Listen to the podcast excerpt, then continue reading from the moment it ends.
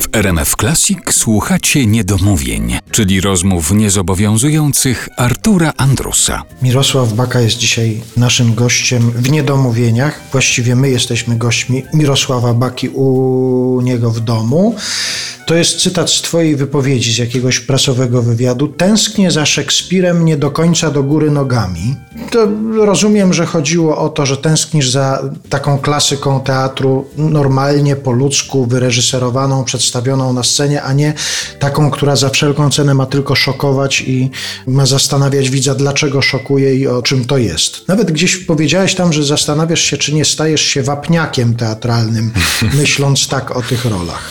Nie lubisz eksperymentów takich na scenie, czy to nie o to chodzi? Wiesz co, ja zaczynałem pracę w teatrze, powiedzmy, no, na przełomie lat 80. i 90., kiedy teatr jeszcze tak bardzo nie miał takiej chęci i miłości do takiego eksperymentowania, które właśnie wtedy dopiero z przyjściem mody na teatr niemiecki, tak zwany, zaczęło się w Polsce i które czasami doprowadziło do jakichś, no wręcz wynaturzeń w tym teatrze. Naprawdę, ja, ja już y, nie, nie jestem, nie jestem takim wapniakiem, żebym totalnie odrzucał e, wszystko co nowe, żebym był jakimś konserwatystą i grał wyłącznie wierszem i z czaszką w wyprostowanej ręce tego Szekspira. Nie, nie, miałem do czynienia z różnymi inscenizacjami. Jakoś, jakoś to fajnie się w tym próbowałem chyba znaleźć i to mnie cieszyło. Natomiast no, ja mówię o takim generalnym trendzie, który dał się zaobserwować na początku tego XXI wieku, że już wszystko było tak robione, reżyserzy reżyserowali dla swoich kolegów, żeby być bardziej szokujący niż oni w sąsied... na sąsiedniej scenie, czy w sąsiednim teatrze, albo gdzieś ci z Krakowa do tych z Warszawy.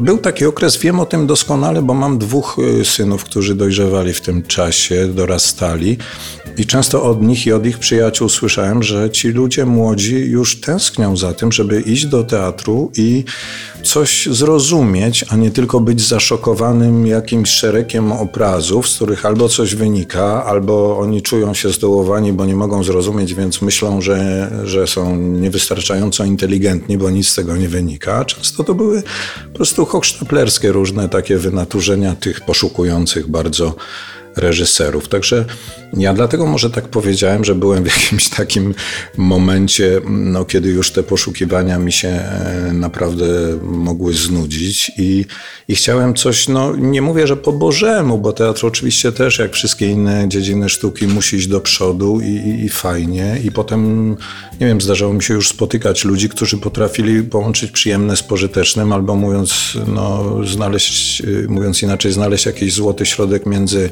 szokowaniem, a, a przekazywaniem jakichś treści, no, co jest myślę najistotniejsze w teatrze. I dlatego może ja e, wtedy właśnie powiedziałem, że już, już nie chcę Szekspira do góry nogami, no bo Zresztą Państwo, jeśli chodzicie do teatru, to doskonale wiecie, o czym mówię i czasami już czytam na forach jakiś, że ktoś chciałby już e, zobaczyć dwie osoby, które przeprowadziły na przykład w Czechowie swój dialog tak, jak został przez Czechowa napisany od początku do końca i na przykład na siedząco.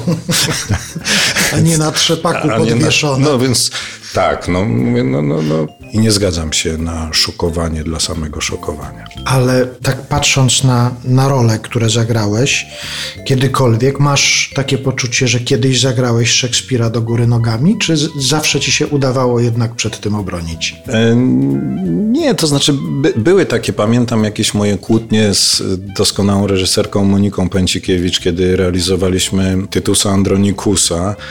A później, kiedy zacząłem się nad tym poważnie, jakby z pokorą podchodziłem do tego i zacząłem się do jej interpretacji, znaczy o, o, otwierałem się na, na, jej propozycje, jak, jakiś taki, bar, bardziej byłem otwarty i zacząłem z nią rozmowę na ten temat, to wiele rzeczy, które na początku tej pracy w ogóle nie mieściły mi się w głowie, po prostu rozszerzyła te, te moje horyzonty, wiesz, o taką wrażliwość tego takiego, no powiedzmy, szokującego teatru, nie, nie przekazującego wyłącznie treści podanych Szekspira, ale też nieco jakiejś takiej interpretacji reżyserskiej, która momentami mogła się wydawać już czymś przesadzonym, ale czułem się rozelastyczniony w swoim myśleniu o teatrze i no to na przykład jej zawdzięczam, ale bywały też takie propozycje, kiedy reżyser po prostu miał mi do zaproponowania takie głupoty, że musiałem zrezygnować z tej pracy, bo nic się za tym, choć starałem się bardzo, nic się za tym nie dopatrzyłem i nie kryłem.